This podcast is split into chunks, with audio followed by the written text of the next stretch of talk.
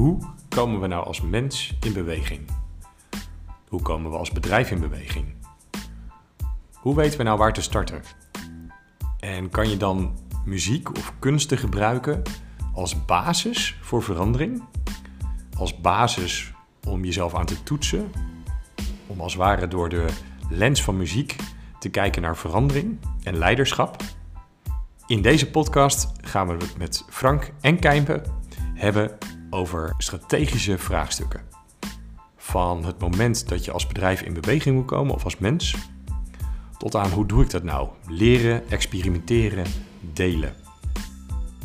Hier gaan we het over hebben. In deze podcast vol strategie, theorie en praktische tips. Heel veel luisterplezier.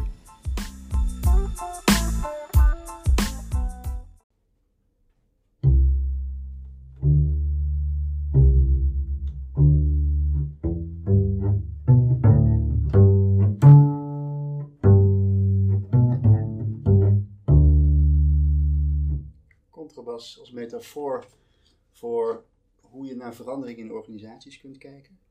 Contrabas is een instrument wat de basis is van de muziek. De grondtoon, de ondertoon, de klanken waarop alle anderen kunnen excelleren. Dat zijn metaforen waar wij mee werken als we kijken naar leiderschap in organisaties. Contrabas geeft daarmee basis aan het geluid, maar kan ook als ritme-instrument dienen. Beweeg je snel. Is het meer een beetje een walking bass of gaat het echt over de, de lange lijnen? Dus dat zijn, dat zijn manieren om daarnaar te kijken. Zo, zo, zo werken we met. eh, dus een kunstvorm waarmee we werken in, eh, als we kijken naar leiderschap in organisaties. We kiezen er eh, verschillende uit. Het hangt ook van, vanaf met wat voor soort vraagstuk je bezig bent. Maar dit opent vaak ook het gesprek, het eh, persoonlijke gesprek. Omdat eh, op het moment dat je dus dit soort vormen, die, die gaan niet over de opleiding die ik gehad heb. Of over de managementfuncties die ik gehad heb. Dit gaat, dit gaat over mij, over iets wat dicht bij mij staat. En dat nodigt mensen dus ook uit om dat ook van henzelf te laten zien. En op zoek te gaan van, ja, wat zijn nou bij jouzelf die onderstromen, die grondtonen van verandering. Ja, dus wat ik wel interessant vind, even met zo'n mooie introductie inderdaad, als het gaat over eh, eigenlijk een soort van het uh, ontwerp, het onderzoek naar uh, betekenis van, van leiderschap ook in deze tijd waarin we nu leven, ehm, merk ik dat de kunsten eh, ook een lens zijn die, waarmee je kunt luisteren, in, voelen in, nou ja, in organisaties. En ik denk een belangrijke voelspriet is ook voor strategie en de manier waarop wij nadenken over leiderschap gaat wat minder over, denk ik, eh, hiërarchisch of eh, de wat meer top-down directief leiderschap, maar veel meer de manier hoe je luistert naar de ander, wat veel meer gaat over empathie. Uh, wat ook gaat over het verhaal wat je vertelt, logica zou je het kunnen noemen. Maar ook over authenticiteit en echtheid. En in die driehoek uh, ontstaat uiteindelijk vertrouwen. Dus een, een model wat we daar ook voor gebruiken van Francis Vrij. En um, waarbij de kunsten, wat Frank denk ik net mooi uh, laat zien, toch een belangrijke nou, een soort van thermometer zijn of voelspriet zijn.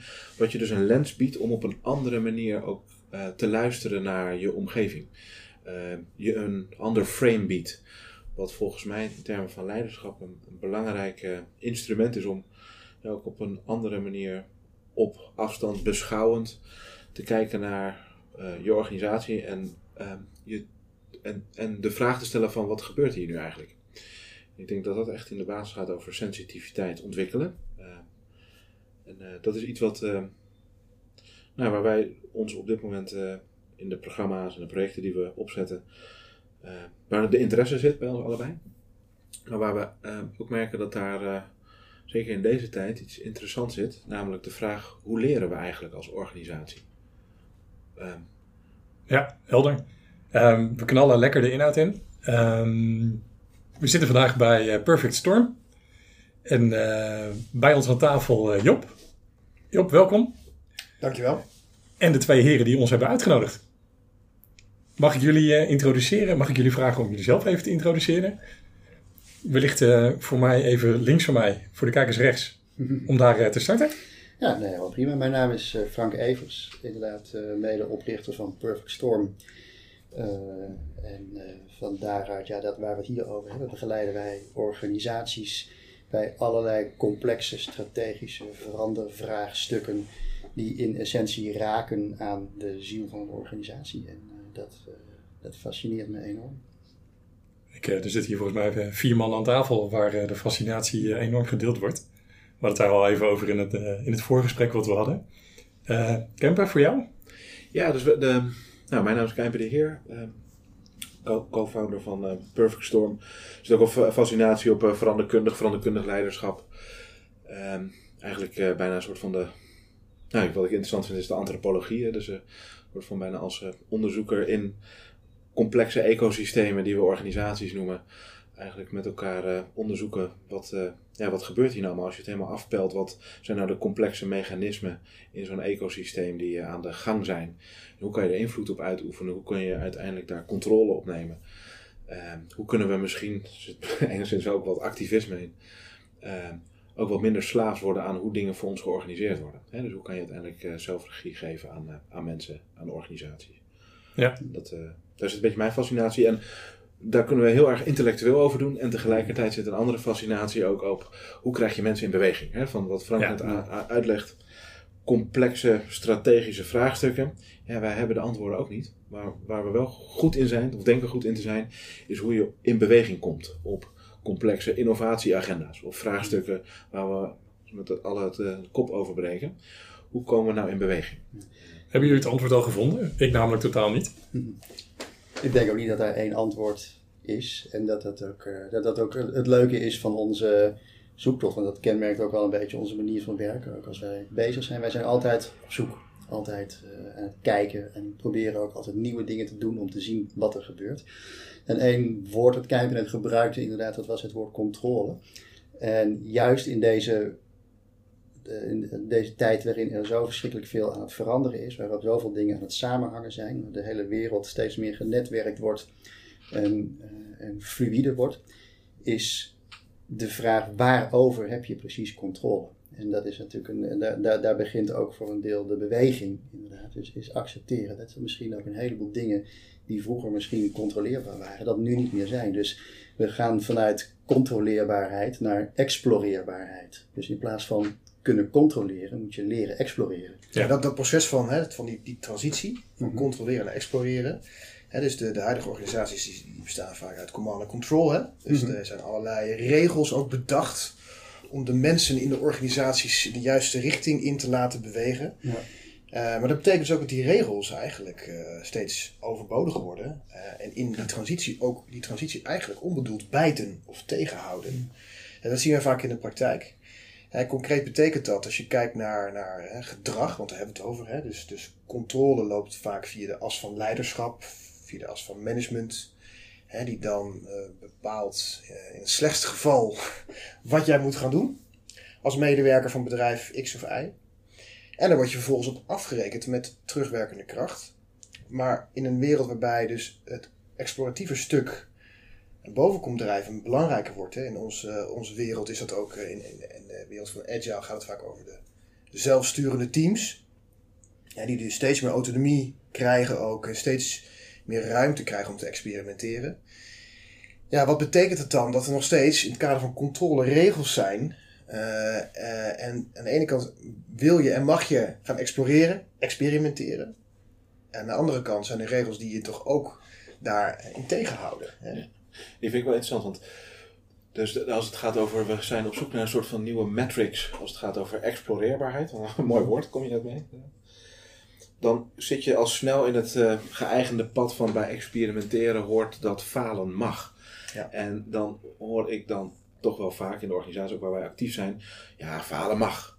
Maar de organisaties die dat het hard roepen, dat zijn eigenlijk de organisaties waar je niet mag falen. Precies. Ja. Want als het dan gebeurt, dan is het, ja, maar dat kan niet. En ik, precies, ja. En ik vind dat, dat is één metric, hè. falen, dat hoort bij experimenteren. Maar is het, falen, is dat het woord? Dat weet ik niet zo goed.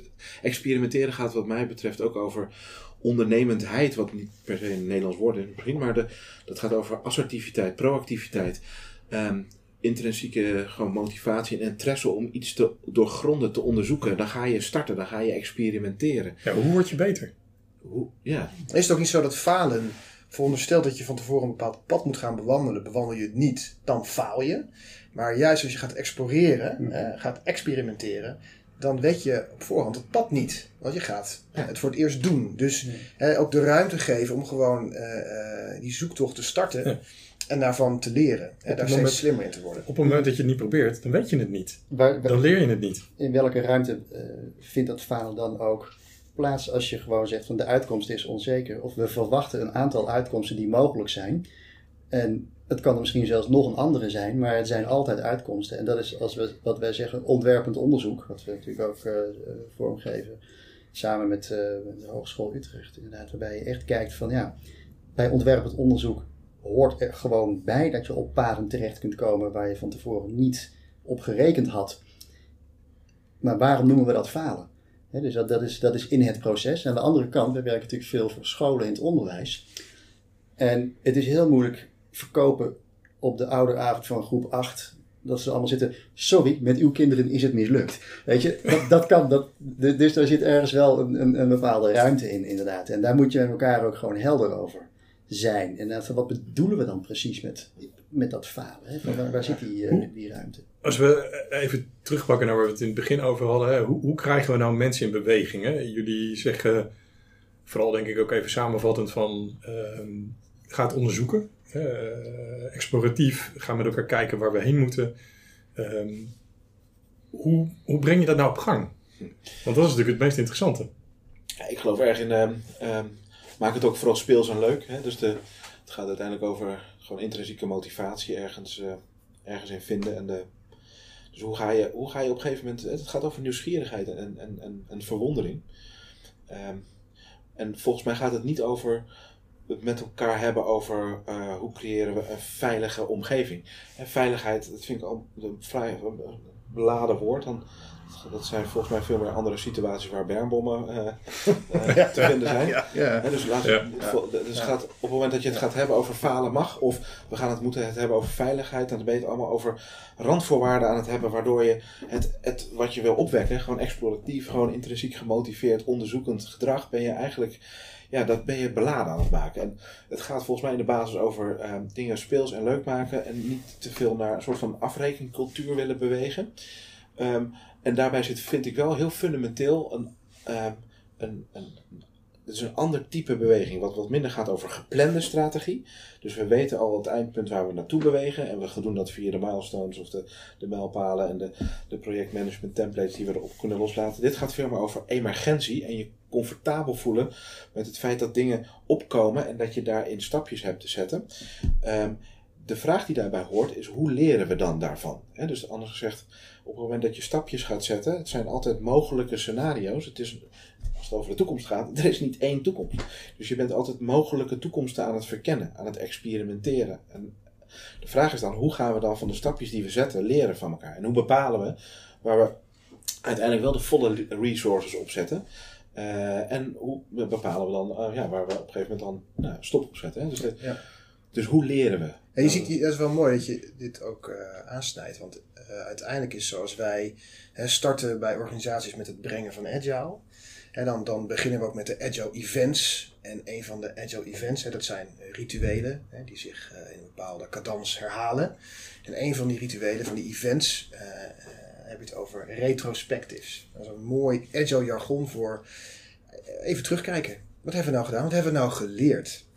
En we begonnen deze podcast ook met eh, de onderstroom. Hè? Heel mooi Frank, eh, wat jij aangaf. Hè? Die onderstroom van wie, wie ben je nou? En, hè, dus die authenticiteit is een toverwoord ook eh, overal. En, en het is niet alleen een toverwoord omdat het mooi klinkt. maar ook omdat jezelf zijn, begrijpen wie je bent. en op die manier ook ehm, eh, gewaardeerd worden door, door je omgeving. En ook tijdens zo'n retrospectief niet alleen terug te kijken en over die negatieve as. Van goh, wat ging er allemaal niet goed? Welke fouten, wel, waar, waar hebben we gefaald? Nee, wat hebben we nou eigenlijk goed gedaan? En hoe kunnen we elkaar daarin versterken? Ja. Wat kunnen we beter doen? Wat zijn onze kwaliteiten? En wie zijn we eigenlijk? Wat is onze identiteit? Wat is onze purpose? Hè, dus dat komt er ook heel mooi in terug. En we, we zien ook wel heel vaak verwarring, vooral in die beginfase bij mensen ontstaan van, maar van hoezo? Hè? Eh, hoezo moet ik het nu gaan hebben over wat wel niet goed gaat? Hè? Het gaat over je gedrag. Heel spannend onderwerp voor veel, eh, veel mensen. Want dat, dat maakt je kwetsbaar ook onwennig. Want voorheen was het vaak je, je manager die, die daar en tijdens een functioneringsgesprek, ook zo'n heerlijk woord van vroeger, uh, helaas nog steeds heel actueel op veel uh, plekken bij veel organisaties. En in één keer moet je dat in je team gaan bespreken en daarbij stil gaan staan. Dus je, zet kleine stapjes en je leert, je kijkt terug, over, als even kan over de positieve as. Maar het is een heel ingewikkeld proces voor teams zien we vaak, omdat dat ja, best wel spannend is. Ja, ja we raakten ook in het voorgesprek al even aan uh, het, volwassenheidsmodel, iets wat we recentelijk tegenkwamen. Waarbij het volgens mij ook wel interessant is om te kijken van, goed, op het moment dat je in die kleine stapjes gaat leren, de vraag uh, van hoe leren we dan met elkaar? Waar dra draagt het uh, aan bij? Hoe leren we als kennisorganisatie, als kennishuis? Hoe groeien we? Um, hoe beklijft het? Waar bewegen we dan uiteindelijk naartoe? Word je dan als organisatie uiteindelijk meer volwassen? Ga je op een ander niveau op een gegeven moment met elkaar gesprekken hebben? Kijk je naar, op een andere manier naar input-output? Um, kortom, is de in soort van de lerende organisatie waar we het volgens mij over hebben, de, uh, het onderzoek ook naar hoe leren we eigenlijk, waar beweegt zich dat dan naartoe? zijn we op, dat, dat vind ik nog wel een interessante vraag. Ja, we zien vaak in organisaties dat uh, we hebben het nu over het teamniveau gehad. Hè, is de hoeksteen van alle organisaties. Dus daar begin je ook vaak met een nieuwe manier van samenwerken. Die is situationeel, is voor iedere organisatie anders. Tegelijkertijd gaat het er ook over, hè, uh, over je, ik noem maar even, planning in je organisatie. Dus wat komt er nou eigenlijk, uh, nou ja, wat is de strategie? Wat komt er de komende jaren op ons af? Als we hem helemaal afpellen, hè, wat betekent dan op kwartaalbasis voor ons? Welke, welke, ik noem maar wat hoor, projecten moeten wij gaan opleveren het komende kwartaal? En hoe vertaalt dat zich nou eigenlijk terug naar de capaciteit die we hebben binnen het bedrijf? Nou, dit zijn een paar zinnen over flows, over waardestromen en organisaties. Maar het is een heel ingewikkeld vraagstuk. En we zien vaak dat het daar ook misgaat. Hè? Dus de, het, als wij aan een gemiddeld team vragen van, goh, kun je eens vertellen... Uh, en dat is geen flauwe schriftelijke overhoringsvraag hoor. Maar kun je eens vertellen wat nou de strategie van je bedrijf is en hoe dat zich vertaalt naar, naar jou, naar je rol, naar je team. Dat vinden heel veel uh, teams ja. vaak lastig. Hè, dus het gaat eigenlijk bij het begin al nou, mis, maar dat, het feit dat dat lastig wordt gevonden, hè, dat noem je vaak ook in de wetenschap strategisch bewustzijn. Hè. We zien vaak dat, dat mensen, dat teams zich dat onvoldoende zijn. Die zijn, het onvoldoende. Hè. Dus uh, je ziet dat die uh, manager vaak die rol heeft gepakt. Hè. Dus door die, dat command and control stuk waar we het over hadden. Dus die bepaalt dan samen met jou dan wel wat je moet doen. Uh, maar uiteindelijk uh, wordt er voor jou nagedacht. En nu wordt er van je gevraagd dat je zelf moet gaan nadenken. Hè. En dat, dat is best spannend, zien we. Hè. Begrijpen wat je bedrijf doet, welke rol jij daarin kan spelen, wie je bent, wat je kan, hoe je verbindend kan zijn met je team, hoe je elkaar op gaat zoeken daarin. de kennis en kunnen die je in huis hebt, hebben we genoeg in huis om de komende drie maanden ons project te kunnen opleveren als team? Of moeten we juist kennis accumuleren? Moeten we die naar binnen gaan halen. Nou, kortom, dit soort vraagstukken die zijn best wel spannend. En, en je ziet ook een, een, spanningsveld ontstaan tussen het management en, en de teams daarin. Omdat het niet altijd even helder is wat er precies nodig is om die volgende stappen te kunnen zetten. En, ja, ja, dat, dat, ja. Ja, er zit een. Wat, wat, wat heel erg naast elkaar beweegt daarin is waar, uh, waar je, je, hebt, je hebt op te leveren. Er zijn gewoon dingen die lopen. Er is een strategie die gaat over hoe je je, je, je primaire business doet. Of dat nou een, een, een publieke onderwijsinstelling is of meer een uh, commerciële organisatie. Je moet gewoon ook door. En daarnaast wil je die verandering in gang zetten. En je gaf net heel mooi aan dat je dat, dat die retrospectieven hebt. En, en daar gaat leiderschap ook over. Van hoe breng je een, een, naast het maar doorstomende primaire proces een soort van ritmiek erin, waarbij je toch met een bepaalde regelmaat en herkenbaarheid heel duidelijk ook kunt maken waar die ruimte voor het experiment ook zit bij mensen. Want ja, mensen zijn ook vaak gewend geweest heel lang om die hebben gewoon een, een, een, baan en die moeten bepaalde dingen opleveren. En dan hebben ze een bepaalde manier voor hoe dat moet. En als alles om ons heen gaat veranderen, ja, wat wordt dan, waar kan ik me dan nog aan vasthouden? En, en dus het is heel mooi om tegen je te zeggen, ah, je hebt nu de ruimte om te veranderen. Van, van ga maar, maar dan, ja, maar ik ben dat niet gewend. Ik moet dat ook leren. Dus die organisatie, gaat niet alleen om, om die leider die dat, die dat moet leren, maar die moet ook samen met dat team gaan leren. Van hoe gaan we dat invullen met elkaar? Zonder dat we een soort schema hebben. Oké, dan gaan we dus nu op eh, maandag van Ja. kwart over drie tot half vier. Gaan we dat. Nee, nee, zo werkt het dan dus net niet. Zeggen we daarmee eigenlijk dat de, de medewerkers of teamleden van nu ook eh, eh, te veel zijn geïnstitutionaliseerd? Hè? Dat, dat er te veel regels zijn en mensen zijn er dus dusdanig aan gewend dat het een soort van ja, verlammend werkt. Ook daardoor extra lastig is om inderdaad die ruimte te pakken. Eh, dat noem je ook wel vaak het Rijnlandse model eh, versus Anglo-Saxisch. Dat zijn die triviale onderwerpen. Ja, maar het is natuurlijk wel misschien wat het, wat ook in de kern is. Ja, nou ja, kijk, wij werken veel in het onderwijs. En ik, ik, eh, wij werken dan vaak, vaak met bestuur, maar ook gewoon met de docenten. En die zeggen zo van ja. ehm, die bestuurder kan leuk zeggen van we gaan exploreren en veranderen en volgend jaar mogen jullie nieuwe dingen uitproberen. Maar ik heb een jaartaakformulier. En als jij tegen mij zegt, wil je met mij een middagje komen praten hierover, dan kan dat, maar niet dit jaar, want mijn jaartaakformulier is vol. En dat gesprek dat heb je dan in september. Dus dan heb je dus van september tot aan het einde schooljaar juli zit zo'n jaar volgepland. Dus, dus dat is inderdaad, en, en, en daar, daar zit spanning op. En, en, Ja.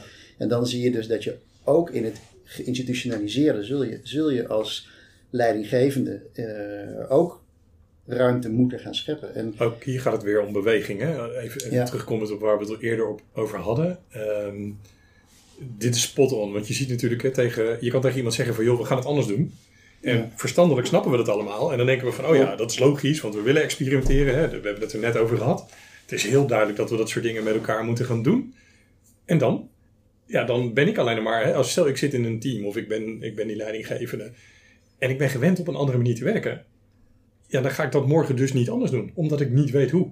En dat is hè, precies, Frank, wat jij net, net zegt. Eh, je, we moeten de mensen daarbij gaan helpen. En nou, dan is het natuurlijk weer interessant van, hoe komen we nou in beweging? Eh, daar hadden we het in het begin over. En daar zijn jullie goed in. Een heel, klein stapje terug misschien naar, het verleden. Hè. Dus eh, heel lang geleden, eh, een beetje halfwege vorige eeuw, hè, heeft uh, Minsburg natuurlijk een onderzoek gedaan naar wat managers eigenlijk doen. Hè. Dus nog een keer herhaald even uit mijn hoofd door Tankblad. Met andere woorden, die studie die is best wel accuraat. Heeft hij knap gedaan, want hij kon heel goed observeren. Uh, en ja, wat managers doen, uh, het is heel breed. Het zijn, uh, het zijn generalisten. Hè? Er zijn heel veel stafafdelingen ontstaan vandaag de dag, omdat ze dus die manager natuurlijk wilden ontlasten. Hè? En nu hebben we natuurlijk de hele tijd over de verschuiving van de taken, of de, de verantwoordelijkheden van de manager, althans gedeeltelijk, naar het team.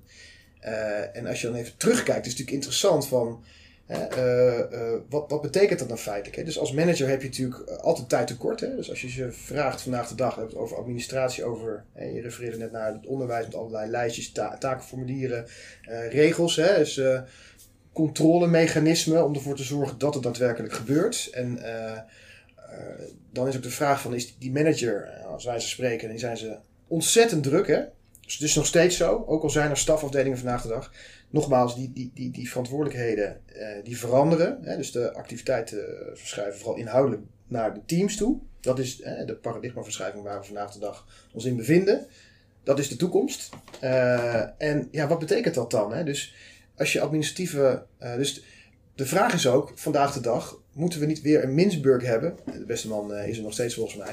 Maar iemand die opnieuw onderzoek gaat doen naar die manager: van wat, wat doe je nu? En is dat nu uh, juist wat je doet. Hè? Want uh, wat we vaak zien, even concreet, dat managers vaak met administraties belast uh, worden.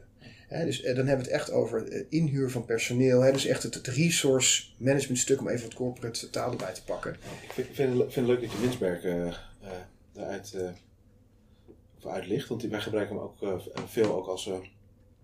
en de, de modellen, eigenlijk de, soort van de typering van verschillende typen strategieën. Hij maakt ook een heel mooi onderscheid tussen geplande strategie en emergente strategie. Uh, geplande strategie waar je eigenlijk ook weet wat het eindpunt is uh, en je te beantwoorden hebt uh, nou ja, hoe je dan naar het eindpunt toe gaat bewegen via een geplande strategie. En dus de wat meer emergente strategie, hoe ga je om met nou ja, opkomende ontwikkelingen, trends waar je eigenlijk niet precies weet hoe je het aanpakt. En de stip op de horizon, daar waar we naartoe bewegen, eigenlijk ook niet helemaal duidelijk is. Uh, dat gaat eigenlijk over complexiteit. Dus de, wat jij nu net zegt, is denk ik interessant, want diezelfde manager heeft zich volgens mij wel te verhouden tot de, tot strategie. En dan misschien wat minder uh, de, de uitvoering van die strategie, als wel um, de, toch het onderzoek naar hoe werken de strategische processen in mijn organisatie. Wat wij veel toepassen daarin en wat ons helpt is, uh, noemen we het strategisch procesmodel. Waarbij we eigenlijk onderscheid maken tussen wat we noemen denken, delen en doen. waar je zegt het domein van denken gaat erg over de, het bepalen van eh, je verlangens, je ambities, je visie en de beweging van verlangens naar uiteindelijk een strategische richting of keuze. Het domein van delen gaat erg hoe krijg je dan op een gegeven moment dat in je organisatie, met je organisatie, hoe krijg je je organisatie in beweging. En doen gaat er uiteindelijk over hoe krijg je iets strategisch tot uitvoer, planmatig tot uitvoer. Er zit ook de vraag in hoe, leer, hoe leren we dan van de dingen die we doen. En ik denk dat diezelfde manager uh, uh, op basis van zo'n strategisch procesmodel goed kan kijken naar je organisatie uh, als archetype.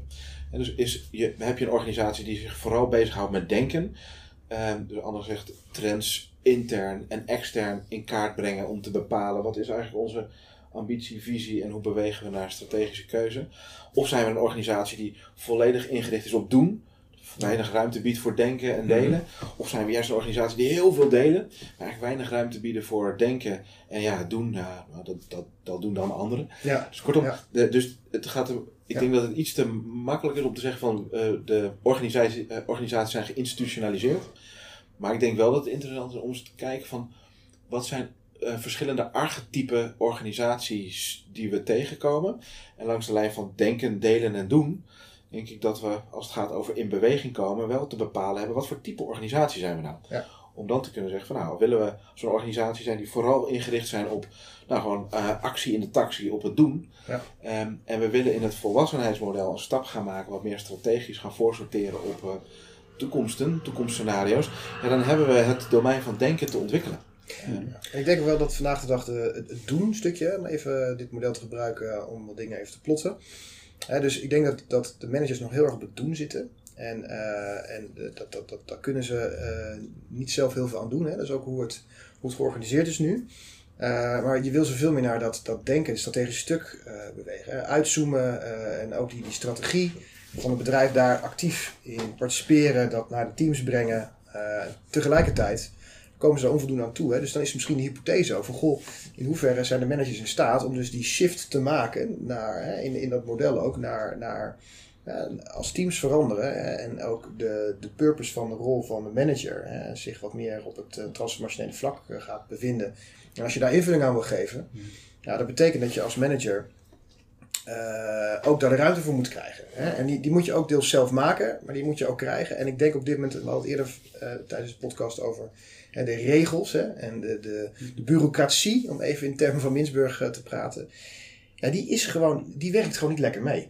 En daar zitten ze ook in vast. En ik, ik hoor, wij zien vaak ook om ons heen dat, dat managers daar eh, niet blij van worden. En, en, en ik, ik snap ze ook. Hè? Dus de, de vraag is ook hoe kunnen we de managers helpen? En, eh, en ik denk dat ook de tijd rijp is voor Minsberg eh, 2. Die eh, even die hypothese gaat, even gaat, gaat onderzoeken van goh, wat, wat gebeurt er nu feitelijk? En wat kunnen we slimmer doen met elkaar? Want eh, ze hebben het lastig. Ja, en je, je- je, wil als het ware, je zit in een situatie waarbij je in het, in, met, met je teams eh, tot de eh, uitkomst van je bedrijf komt, zeg maar. Hè? Dus gewoon de, je bestaansrecht. En daarbinnen wil je ruimte creëren. En eh, je hebt het over de regels en die, waar je mee te maken hebt en de bureaucratie, maar die is vaak ook. die bestaat vaak ook alleen maar in hoofden van mensen en die zijn ook niet, niet reëel. Hè, waarbij we in het. Veel organisaties denken, ja, dit moeten we zo doen, dit moeten we allemaal doen, want anders lukt het niet. En ga nou eens kijken wat eigenlijk gewoon ballast is. Waar kun je ook eigenlijk zonder. Ja. Hè, En als je dan dat niet hoeft, niet meer hoeft te doen, welke ruimte ontstaat er dan in die tijd? En wat ga je dan doen, wat in het teken staat van het, eh, van, van het leren, wat we met elkaar aan het doen zijn. En in die zin is dat ook wel een eh, bijeffect geweest van corona. Dat je ook gezien in organisaties we, we moeten dingen anders gaan aanpakken. Dus we gaan alleen nog maar die dingen doen die absoluut essentieel zijn om, onze, eh, om ons bestaansrecht uit te kunnen voeren. Hè. Dus om eh, de kwaliteit van het onderwijs te kunnen garanderen of om de output van je organisatie te kunnen garanderen.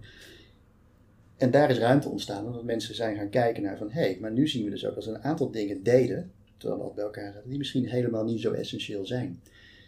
En daar zien we wel ruimte ontstaan in sommige organisaties. En dat is wel, en als je dan als dan, dan gaat leiderschap over eh, niet terug proberen te keren naar wat het daarvoor was, maar kijken van hé, hey, welke ruimte is hier nu ontstaan? Hoe gaan we in die ruimte echt leren met elkaar? Waarbij ik denk, ik, want we zijn het erg met elkaar eens, hè, dus misschien toch om het gesprek of de discussie een klein beetje op te zoeken, is de vraag van, nou, gaan we dan bewegen? Is het de, de, het doel om de beweging te maken van het doen naar het denken? Is dat de, de uiteindelijk het doel? Ik denk dat het erg gaat juist over uh, situationeel het kunnen inschatten welke situatie wat nodig heeft. Anders gezegd, de, uh, diezelfde manager die uh, snapt dat we op enig moment juist even qua structuur, niet de, misschien een hele organisatiestructuur, maar in het klein, de projectorganisatie, dat die iets nodig heeft waar wat meer nadruk ligt op het delen en het doen en wat minder op het denken. Of juist, we hebben met elkaar weer eventjes wat nieuwe wegen te bewandelen en scenario's te, te, te ontwerpen. dus we bewegen juist weer wat meer naar het denken. Dus kortom, te spelen met de manier waarop we strategie inrichten in een organisatie. Um, en dat is geen, um, ja, hoe zeg dat, uh, snake oil of het is geen one size fits all, weet je wat? Dus, nee, nee, je zegt het om, uh, om de discussie natuurlijk op te zoeken, maar ik ben het hier helemaal met je eens. Want het is natuurlijk heel situationeel. Ja. Wat is er nodig om op dat moment de volgende stap te kunnen zetten? En, en is dat, en is dat doen? Dat, dat zul je is dat meer denken? Ja, zeker. Dat, daar, daar ga je situationeel naar kijken. Maar als je het hebt over inderdaad van hoe krijg je een organisatie in beweging en aan het leren, dan zit het uh, voor, voor mij heel vaak ook in een stuk delen. Waarin het gaat ook, delen gaat niet over elkaar informeren, maar delen gaat over, uh, ja, ja, dat is misschien ook al waar wij mee begonnen. Wat zijn jouw drijfveren? En op, hoe kunnen we vanuit datgene wat we met elkaar willen nieuwe dingen creëren? Samen ontwerpen, samen nieuwe. Maar ook die vind ik in situationeel. Dus, hè, dus je zou mm -hmm. kunnen zeggen: je hebt um, organisatietyperingen die erg gaan over ja, top-down hiërarchische uh, just do ja. it. Uh, die erg gaan vanuit uh, het denken, visiebepaling naar mm -hmm. doen en vooral niet te veel delen. Mm -hmm. Die zich lenen voor, dat is bijna een beetje een oude industriële denken, maar die zich voor bepaalde contexten gewoon heel goed lenen. Versus um, de, ja, wat meer de organisatie type structuren of inrichting van strategie die veel meer gaat over doen. En ik wil hem niet helemaal, de archetype is, de, zou je kunnen zeggen, de start-up misschien wel. Hè? Dus uh, dat we vooral even de, ja, dus de, de actie in de taxi, de focus op het doen hebben. Mm-hmm. Omdat er vaak gewoon dan niet te veel ruimte is uh, voor, voor het denken en het delen. want ja, je moet, moet iets ontwikkelen, leveren. en, en, dus hij is, vind ik, afhankelijk van de context waarin je zit. En het gaat er mij om dat je, als het over leiderschap gaat, in staat bent om in te schatten wat voor type situatie, wat voor type strategie. Want we hebben het eigenlijk over organiseer je activiteiten naar een bepaald doel. En dat is denk ik deel 1 van waar strategie over gaat. En deel 2 gaat echt ook over leiderschap. Ja. Dus het gaat niet alleen maar over hoe je uiteindelijk activiteiten naar een bepaald doel organiseert. Dat gaat veel meer over methode en aanpak. Maar dat leiderschap, dat zorgt ervoor dat mensen in beweging komen. Het tegeltje organisaties bewegen niet, maar mensen wel. Ja. Is hier denk ik echt van toepassing. Um, en dat gaat over sensitiviteit, luisteren, empathie, kwetsbaarheid. Um, en denk ik ook een, eh, dus voorbij organisatorische sensitiviteit, ook over um, intellect, maar ook over bagage, die toolbox van die manager die in staat is om echt op een bepaald moment situationeel uh, ja, een, een methode, een techniek, een werkvorm, een strategie in te passen. Ja. Uh, dat is ja. dus niet alleen maar bleu experimenteren, maar volgens mij wel ook heel bewust zijn van wat het instrumentarium is en wat je dan kunt inzetten. Uh, en als het over dat instrumentarium gaat, ja, dan gaat het wat mij betreft over theorie, Minsberg. Dan gaat het over modellen, maar ook over werkvormen, waar we mee starten. Deze podcast denk ik ook uh, de wat meer artistieke uh, werkvormen. Het zijn allemaal wat mij betreft voelsprieten, ja. thermometers. Ja, nou toch ja, voelsprieten van die leider om ja.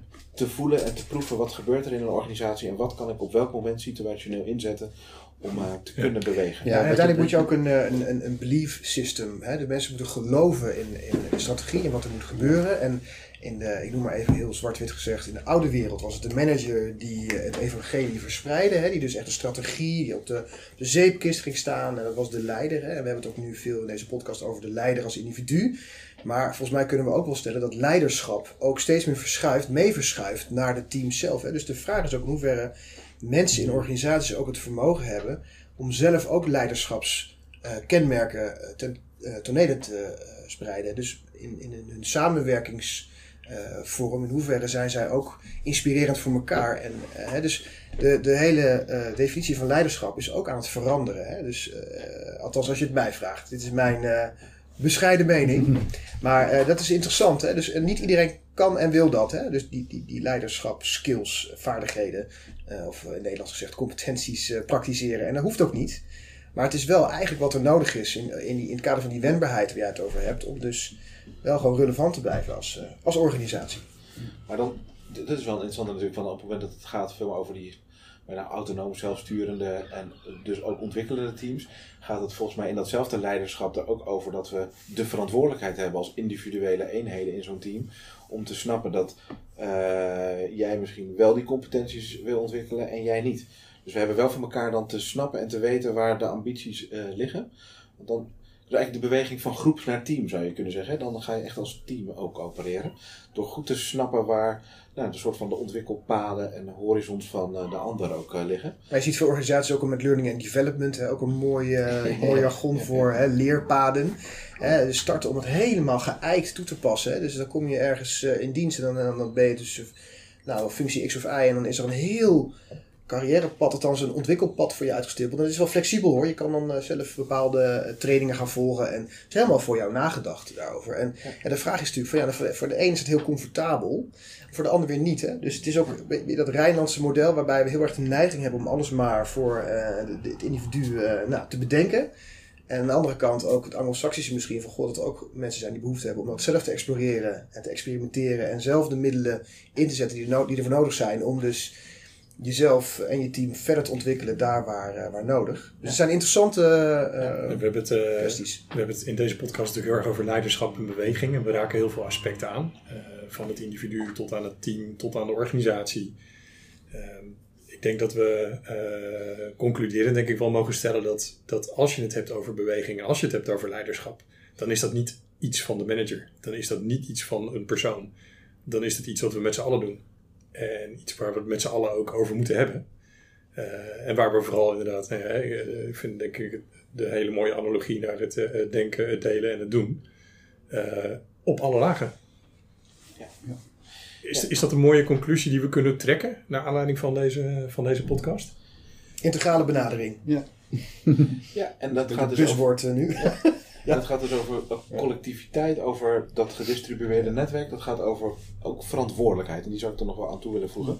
Zodat we de, het gaat niet alleen maar over uh, naïef en uh, uh, ja, een soort van starten met, met, met iets vanuit het niets.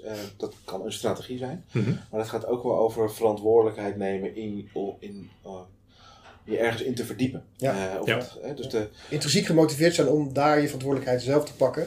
En niet daar afwachtend in te zijn, bedoel je, denk ik? Of, uh... Ja, en, uh, maar ook gewoon een sterk, uh, ja, gewoon belief te hebben in gewoon, alles is, is interessant, maar je hebt uiteindelijk, het is een beetje de mindset toolset, de, de discussie. Dus ik vind dat je ook de verantwoordelijkheid hebt op het moment dat je gaat, wil gaan bewegen, dat je je ook wel, je moet ook wel geïnformeerd zijn op wat er aan methoden, technieken, tools uh, en geleerde lessen er uh, zijn die je kunt inzetten.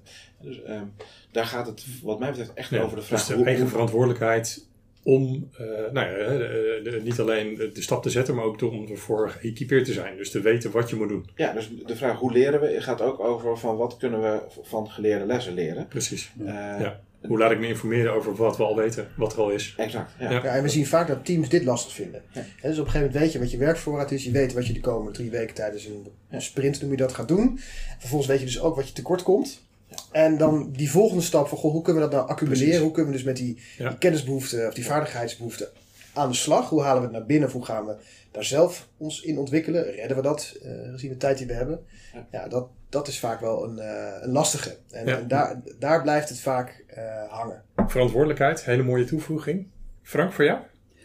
Um, nou ja, dat is uh, kijk allemaal wat ik steeds in mijn hoofd had zitten. Inderdaad, het gaat er ook over het instrumentarium wat je niet zelf hoeft te bedenken. Hè? Dus, het is, dus er zijn al heel veel voorbeelden. En ik denk dat daar voor een belangrijk deel ook ons werk ligt om mensen mee te nemen in de manieren waarop je op een niet naïeve manier, dus niet gewoon experimenteren betekent niet van nou we gooien alles overboord en laat ik eens wat uitproberen. Experimenteren, dat is een, een strategische aanpak die in heel veel organisaties al plaatsvindt. Die, uh, de, die, of het nou Scrum is, of Agile is, of Design Thinking is, of uh, noem, noem, een andere methodiek. er is al een hele hoop en maak daar gebruik van. Ja. En dat, dat is je gereedschapkist ook als leider. Dus het gaat over het, het, eh, het exploreren, maar niet op een naïeve manier. Maar leiderschap gaat er ook over dat je de verantwoordelijkheid neemt om echt na te denken over van wat kan ik leren van wat er al elders in de wereld gebeurt. Ja, mooi. Ja, en in aanvulling daarop zou ik zeggen, zorg ervoor dat mensen ook daadwerkelijk de ruimte krijgen om dat te gaan doen, dat experimenteren. Hè? En eh, in het kader van delen ook, zorg ervoor dat het ook zichtbaar is wat het oplevert. En, en ook kwetsbaar durven zijn. Hè? Ook vertellen van, goh, wat- gaat er nou eigenlijk niet goed? Het valt me overal op waar wij zijn, dat het altijd lastig is voor verschillende mensen om ook te vertellen wat er niet goed is gegaan. En dat het ook een, een proces is waar je doorheen moet, een bepaald weerstandsniveau. Of, eh, het is ook oké. Ja. Maar gebruik wat er is. Eh, leer van de lessen die al ge- nou ja, geleerd zijn. Eh, kijk naar de tools die voorhanden zijn en kies daar voor jezelf de juiste weg in. Mooi. Heren, Dank jullie wel. dank jullie wel.